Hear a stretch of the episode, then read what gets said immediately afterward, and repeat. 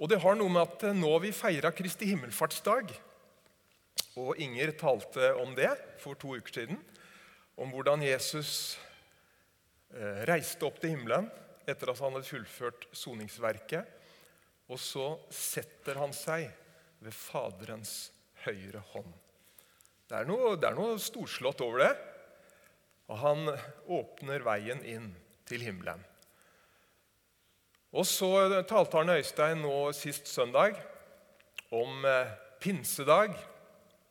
Hvordan ånden blir utøst over jorden og over deg og meg.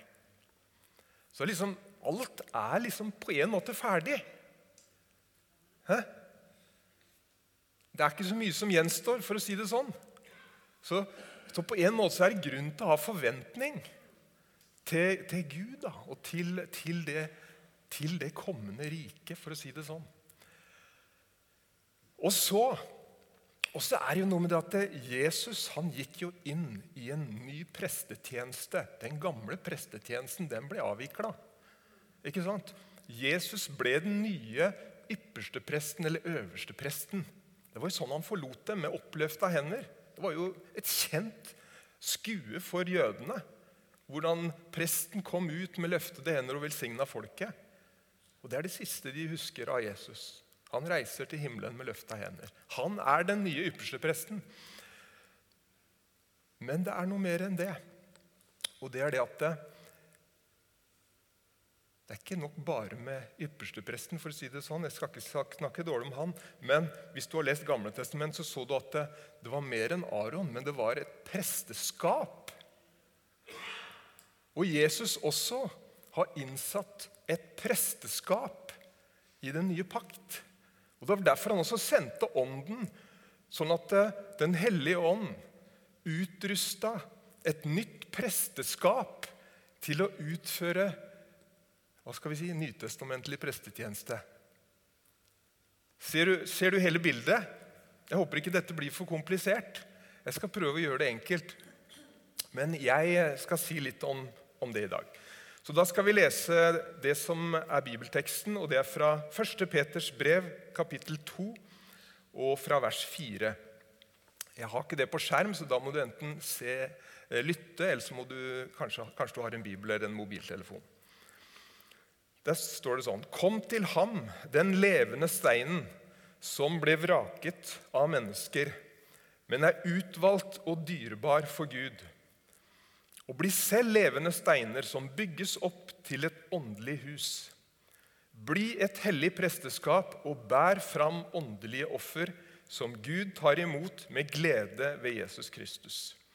For det heter i Skriften.: Se, på Sion legger jeg en hjørnestein, utvalgt og dyrebar. Den som tror på ham, skal ikke bli til skamme. Altså blir den til ære for dere som tror. Men for den som ikke tror, er steinen som bygningsmennene vraket, blitt hjørnestein. En snublestein og en klippete fall. Fordi de ikke er lydige mot ordet, snubler de. Det var de også bestemt til. Men dere er en utvalgt slekt, et kongelig presteskap, et hellig folk, et folk som Gud har vunnet, for at dere skal forkynne Hans storverk, Han som kalte dere fra mørket og inn i sitt underfulle lys. Herre, så ber jeg om at du skal tale til oss, at du skal legge noe ned i oss i dag, i formiddag, at du skal virke på våre liv. Takk for at du er her for å gjøre vel. Du er her for å gi oss liv. Du er her for å gi oss håp. Du er her for å lege oss. Amen.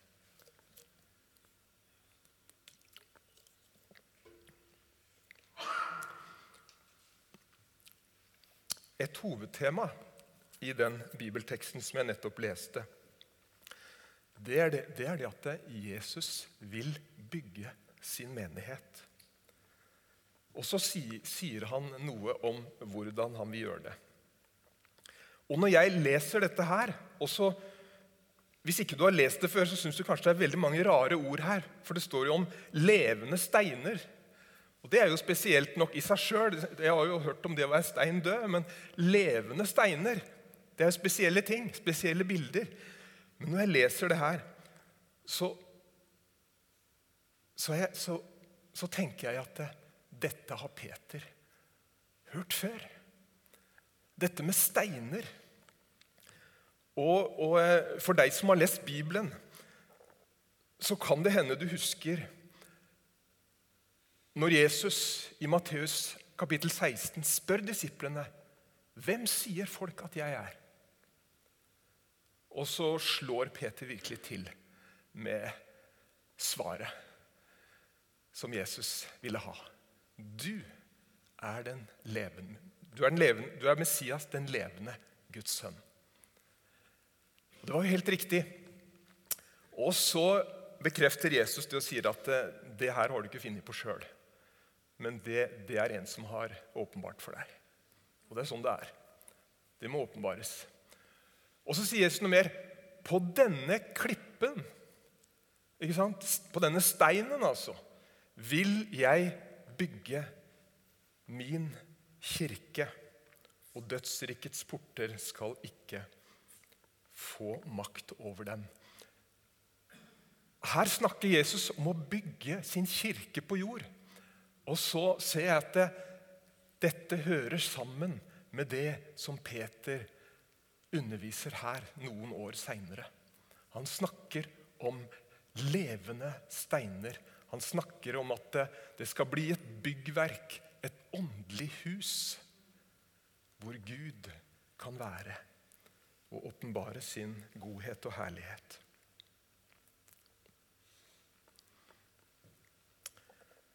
Ja, jeg, jeg, har jo tygd en del på det her, ja da. Sikkert mer enn det du har gjort den siste uka. Det er liksom litt av jobben, men det er også litt av gleden og velsignelsen. da. At du får, du, du, du får tid til å eh, grunne litt på ordet. Ikke så lett når du har full jobb. Men eh, det er jo det er en velsignelse også. Og jeg har tygd mye på det her. Før jeg liksom går ordentlig i gang, nå må jeg ikke misbruke tida her, så må jeg si én ting. Og det, det, er et resultat av det jeg har lest. Og jeg, det slår meg øh, hvordan Peter virkelig understreker hvor viktig Jesus er. Han sier jo det at uh, han som er utvalgt og dyrebar for Gud. Og jeg må, bare, jeg må, bare, si det. Det kan hende alle som er her, kjenner Jesus og, og har tatt imot han. Men, men jeg, jeg, har bare lyst til å løfte det litt opp at det, dette med Jesus, altså Det er egentlig ikke for spesielt interesserte, hvis du tror det. Eller hvis noen tror det, som helt sikkert mange tror. Alle mennesker må før eller seinere ta stilling til Jesus. Hvem er han? Og hvordan vil jeg forholde meg til ham?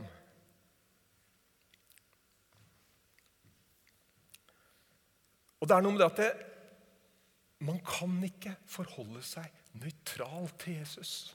Noen tror det.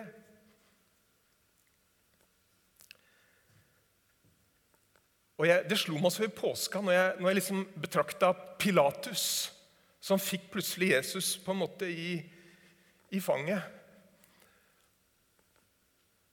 Og Han strever med hva han skal gjøre med Jesus. Og så, og så leser man bl.a. hvordan han sender ham bort. Han får en lys idé. Ja, han tilhører under Herodes sitt område. Jeg sender han til Herodes. Men det er noe med det at eh, han kommer tilbake. Og faktisk sånn er det med Jesus, altså. Du kan sende den fra deg, men han kommer tilbake. Før eller seinere må alle mennesker forholde seg til Jesus og ta stilling til han. Og sånn som vi leste her, enten så blir han den levende steinen i livet ditt, eller så blir han en snublestein og en klippete fall. Det var litt sånn drastisk, dramatisk kanskje, men jeg hadde behov for å si det. Det med Jesus er ikke noe sånn for spesielt interesserte. En dag skal alle mennesker bekjenne, erkjenne at Jesus er Guds sønn. Derfor er budskapet i den teksten 'Kom til ham', han som er den levende steinen. Så du også kan bli levende.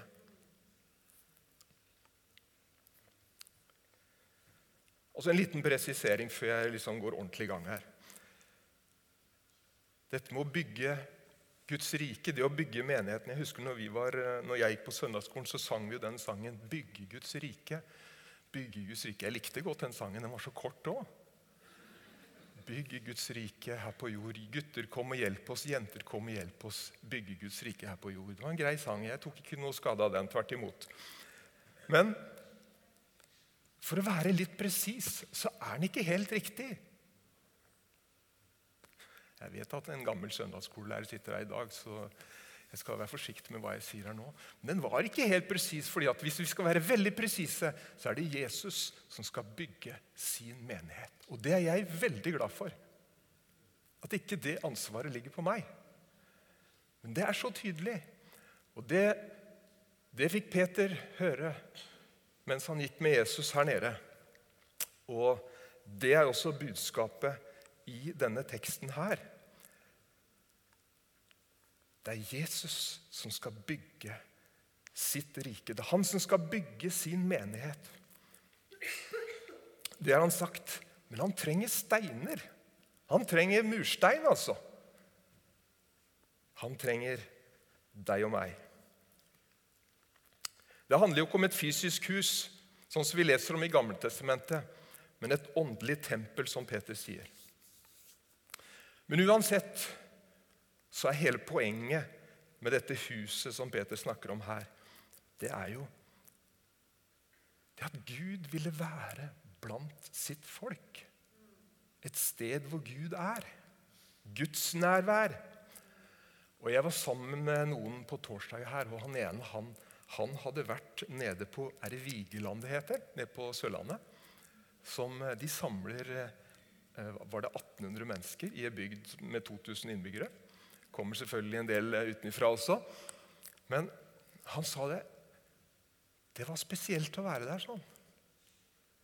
Det minte meg om når jeg var liten og jeg var på møte med og når det var vekkelse med Egil og Arne. Jeg har aldri vært på vekkelsesmøte med Egil og Arne, men han hadde vært det. Han, han kjente liksom det, det var nesten noe fysisk.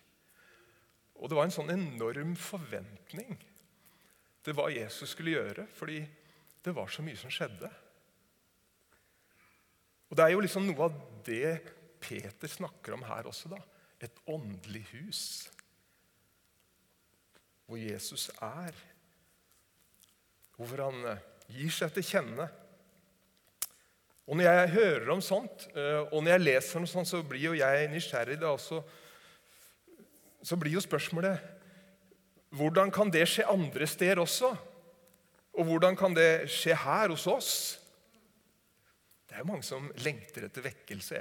Jeg, skjønner jo deg veldig godt som gjør det.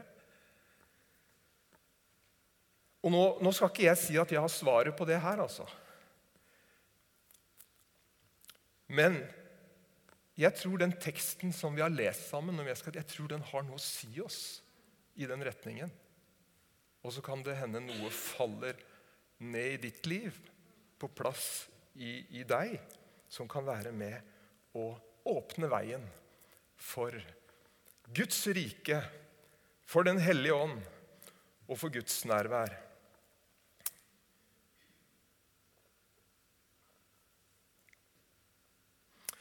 Da skal vi, da skal vi eh, komme i gang. Jeg var litt tidlig ute med den. Vent litt. Beklager, altså. Én ting. Det første punktet mitt er 'bli et hellig presteskap'. Og da er spørsmålet hva betyr det å bli et hellig presteskap? Hva betyr det å være prest? Vet du hva?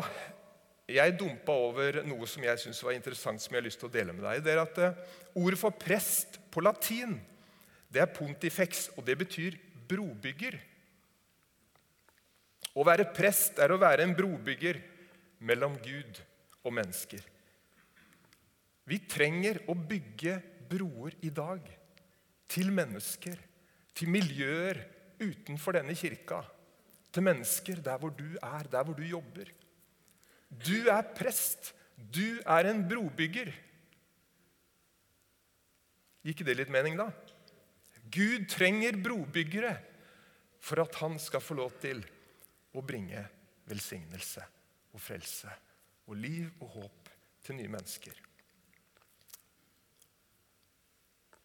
Prestene i, i Det gamle testamentet det var ikke en sånn utnevnelse for lang og tro tjeneste. Men de som ble prester i, gamle, i Det gamle testamentet, de var født til det. Alle som var født inn i den levittiske stammen, de var prester. Og du som har tatt imot Jesus, du er født på ny, og du er også prest. Ikke fordi du føler deg så bra, ikke fordi du har hatt en bra uke, men fordi du er født av Gud til å være prest for ham. Var ikke det frigjørende? Det var, det var, han gode Luther som eh, liksom gjenoppdaga det her med det alminnelige presteskapet eh, på 1500-tallet. Han gjorde et oppgjør med prestestanden, for å si det sånn, som var høyt der oppe. Og så så han at eh, Gud har utvalgt oss alle sammen til å være prester. Og han sier det. Det er ikke ofte vi snakker om det å være prest. Er det det? Nei. Han sier det at han skulle ønske at det var like vanlig At ordet prest var like vanlig å kalle oss, kristne, å kalle oss troende som det å kalle oss kristne. Så det er egentlig fint å løfte litt opp i dag, er det ikke det? Så når du går ut her i ettermiddag så må du tenke på at jeg er prest.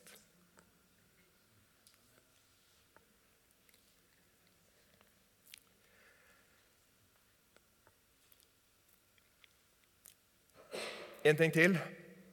Det var en klar sammenheng mellom prestetjenesten, hvordan den fungerte, og hvordan det gikk med Israel som nasjon i Gamletestamentet. Har du lest historien, så kan du bekrefte det. Jeg tror også det er en sammenheng mellom hvordan prestetjenesten fungerer i dag, og hvordan det går med Guds menighet. Prestetjenesten i Det gamle testamentet den besto i hovedsak av, av tre ting. Det første de gikk inn i helligdommen det andre de bar fram offer. Det tredje de velsigna folket. Da skal vi gå løs på det. Det første de gikk inn i helligdommen. Den teksten som vi leste, nettopp, den begynner med det viktigste. Kom til ham, den levende steinen. Kom til ham, den levende steinen. Det er så viktig at vi responderer på den invitasjonen til å stadig komme til ham. Det er åpna en dør helt inn til Gud, sånn at vi kan komme nær. Og Det var sånn det begynte for Peter også. Helt i begynnelsen av Johannes så var det en sånn invitasjon. Kom og se, sier Jesus. Kom og se. Og Så ble de med han hjem. Og det de så, det smitta over på dem. Det gjorde noe med dem.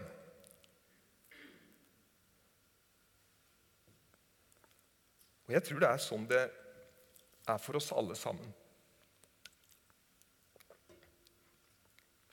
Først og fremst så handler dette om å komme til Han, den levende steinen. For når vi gjør det, så blir vi også levende. Vi er helt avhengig av Dette handler ikke om å ta seg sammen eller være vanvittig disiplinert. Det handler om å møte Han som er levende.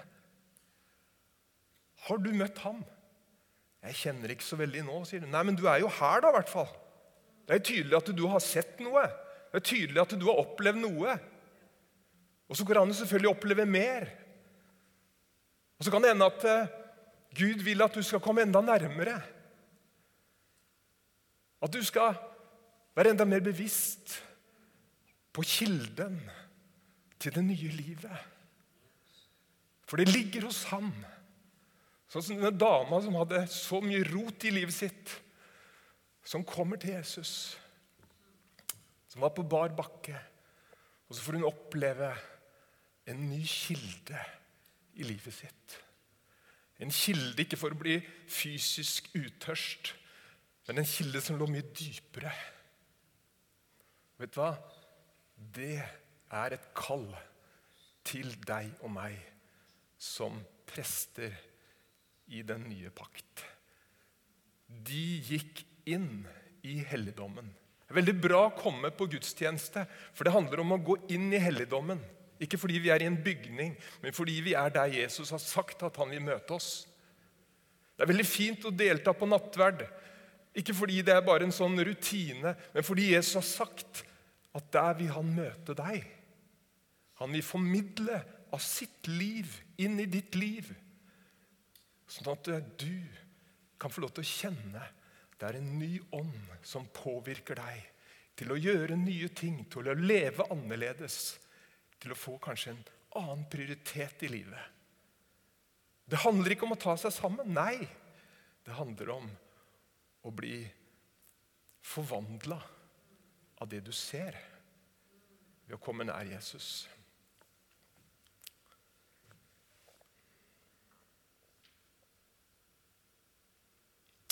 Jeg liker det ordet Johannes. I ham var liv. Amen.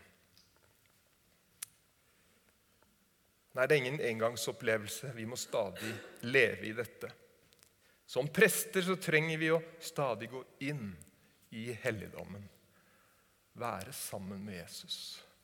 La han forfriske oss i vår tro, så vi kan følge han og være brobyggere som prester. Det andre de bar fram offer. Eh, vers 5 i det vi leste. Og bær fram åndelige offer som Gud tar imot med glede ved Jesus Kristus. Det er litt sånn gammeltestamentlig eh, ordbruk her. Men det som er litt spennende, da Hvis du leser Gamletestamentet, så ser du at det, når, de, når de bar fram offer eh, som var til glede for Gud, så ser du veldig ofte at det, Gud antenner offeret. Gå, hjem og les. Eller spør meg etterpå, så har jeg en par skrifter til deg. Gud på en måte berøres av offeret. Han antenner offeret, han sanksjonerer offeret. Og det er spennende når vi tenker på at eh, ilden i Bibelen er et bilde på Den hellige ånd.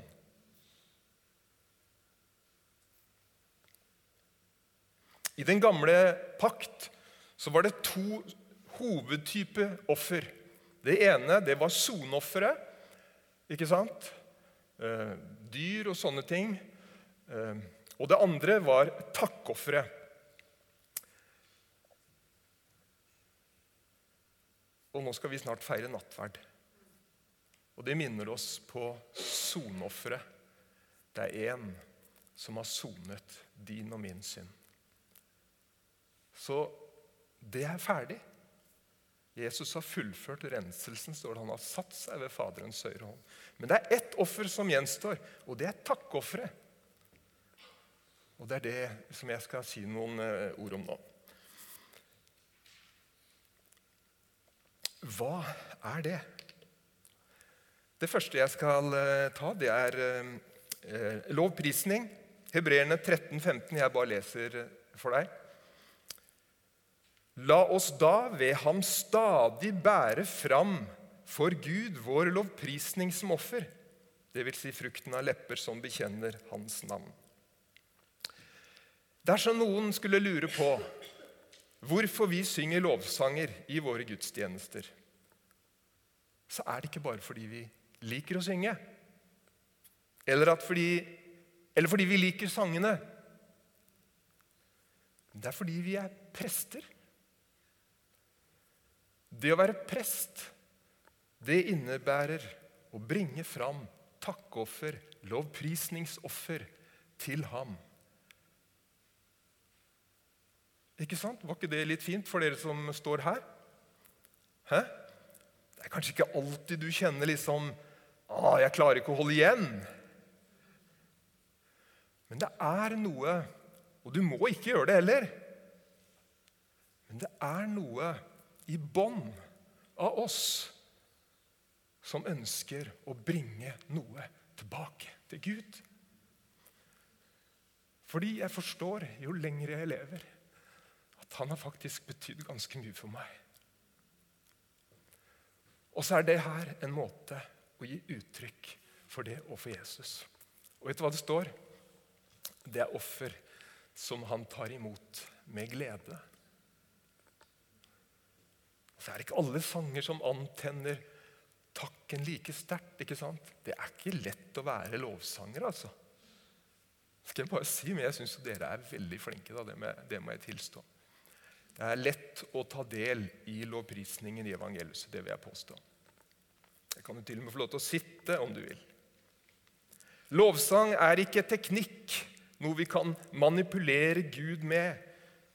Men Bibelen viser meg at din og min lovprisning beveger Han som sitter på allmaktens trone.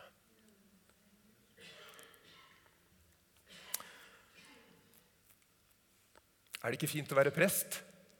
Begynner du å kjenne det nå? At du er prest? Nå skal vi snart synge lovprisning etterpå. Dere kan bare glede dere. Bønn som offer. 1. Tim 2, 1-3. Jeg formaner dere fremfor alt til å bære fram bønn og påkallelse, forbønn og takk for alle mennesker. Be for konger og alle i ledende stillinger, så vi kan leve et stille og fredelig liv med Guds frykt og verdighet i alt. Dette er godt og noe Gud, vår frelser, gleder seg over. Han som vil at alle mennesker skal bli frelst. Og det å be for eh, konger og landet vårt og alt det, det er faktisk bønnefokuset vårt eh, akkurat nå. Tormod Engelsviken han, eh, han, er vel pensjonist nå, men han var professor. Han var flink. Men han hadde også et stort hjerte for misjon. Han hadde studert det med vekkelser og Han sier bl.a.: Vekkelsen oppstår ikke bare spontant av ingenting, som det har vært hevdet. Og så henviser han til en som heter Edwin Orr, en amerikaner, som har studert dette veldig inngående. Han påpeker at vekkelse alltid er forberedt i bønn. Det kan være enkeltmenneskers bønn eller fellesbønn. Denne bønnetjenesten kan gå over mange år og skjer gjerne i stillhet. Kanskje du er en av de som ber dine bønner i stillhet hjemme. Den blir ofte først offentlig kjent når vekkelsen bryter fram. Interessant. Jeg må referere til Anna Skyer òg. Jeg snakka med Solveig i går. Hun sa noe fint om det her. Hun var leder for Søstermisjonen. Hun sier, 'Jeg har så tro på bønn', sa gamle Anna Skyer. For bønn er ikke noe hva som helst. Han oppbevarer våre bønner i gullskåler. Så det er ikke noe bråta, skjønner du, sa hun til damene på Søstermisjonen. Og det er nettopp det det er. Det er det det ikke er. Unnskyld meg. Derfor står det at han oppbevarer dine bønner i gullskåler. Er ikke det fint? Si kort om det her. Hebreerne 13, 16. Men glem ikke å gjøre godt og dele med andre, for slike offer er til glede for Gud. Ikke sant? Det handler om å gjøre godt. Det handler om å gi praktisk hjelp. Det handler om å si noe godt til en person. Det er praktisk. Dette med givertjeneste, Filippenserne 4,18. Med dette bekrefter jeg at alt er mottatt, sier Paulus, at jeg har nok, ja, mer enn nok, nå når Epafroditus er kommet med sendingen fra dere. Den var som en god duft, et offer Gud tar imot med glede. Og så stilte jeg spørsmålet hvorfor gir jeg av mine penger til menigheten og Guds rike? Jo, fordi jeg er prest. Det er en del av min prestetjeneste. Og din og min gave den betyr mer enn bare at den dekker et behov et eller annet sted i verden. For det jeg gir, det gir jeg først og fremst til Gud. Var det ikke det vi leste? Et offer som Gud tar imot med glede. Det siste punktet på dette med prestetjenesten og dette med ofrene hele livet som takkoffer. Romerne 12,1. Derfor formaner jeg dere ved Guds barmhjertighet, søsken, bær kroppen fram som et levende og hellig offer til glede for Gud. Det skal være deres åndelige gudstjeneste. Nå tror jeg du begynner å kanskje få nok. Skal vi slutte snart? ja. Du, jeg tenker at det, noen ganger så snakker vi vet du, noen ganger når vi har snakka om det med tiende og sånn er det, er det tiende før skatt eller ikke skatt? Eller er det 10% Er det mindre? Er det mer? Vet du hva? I Det nye, nye testamentet så, så er det noe med å Vi gir alt. Ikke sant? Hele meg. Paul sier det. Etter, etter elleve kapitler hvor vi kan lese om Guds nåde og barmhjertighet overfor oss, så blir på en måte responsen hans i kapittel 12 igjen på grunn av Guds barmhjertighet så formaner jeg dere, jeg oppmuntrer dere virkelig til å bære hele kroppen framfor Han som et levende og hellig offer. Og det er Noen ganger vi kjenner at det er jo ikke noe som er mer naturlig enn det. Men så sier en som heter Rick Warren, at det som er med det offeret, her, at det er levende. Det har en tendens til å krabbe ned igjen. Så noen ganger vi må gjøre det på nytt. Men egentlig så skjønner vi poenget. Han fortjener våre liv. Ingen andre. Og så er det noe med det Arne Øystein sa sist søndag, som, som jeg syns passa så fint her. Han forteller om Hans Nilsen Hauge, som vi eh, er så glad for. Han som mer enn noen andre fikk være med å forandre Norge. Når han gikk ut på denne åkeren i 1796, april eller mai og når han synger den sangen 'Jesus, din søte forening og smake' Lenges og trenges mitt hjerte og sinn.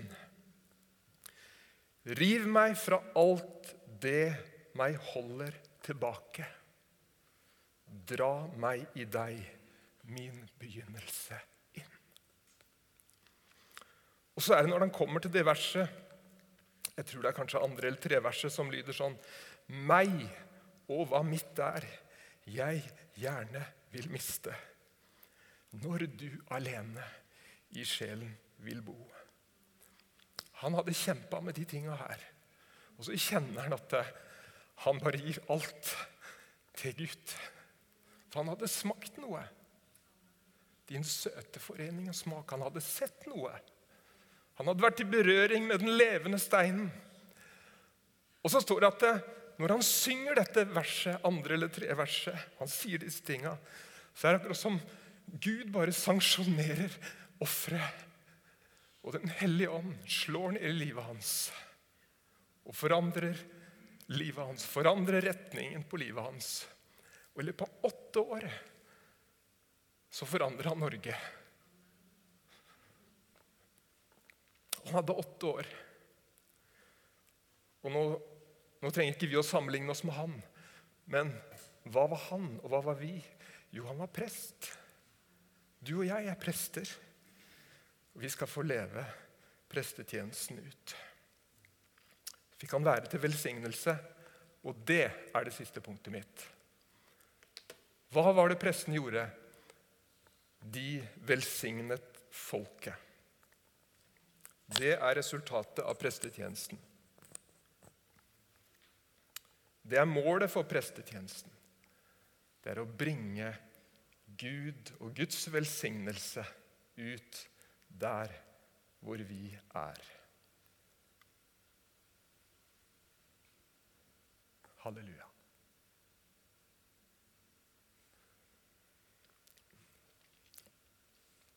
Når vi går ut her i dag Vi sier alltid når vi kommer inn 'velkommen til gudstjeneste'. ikke sant?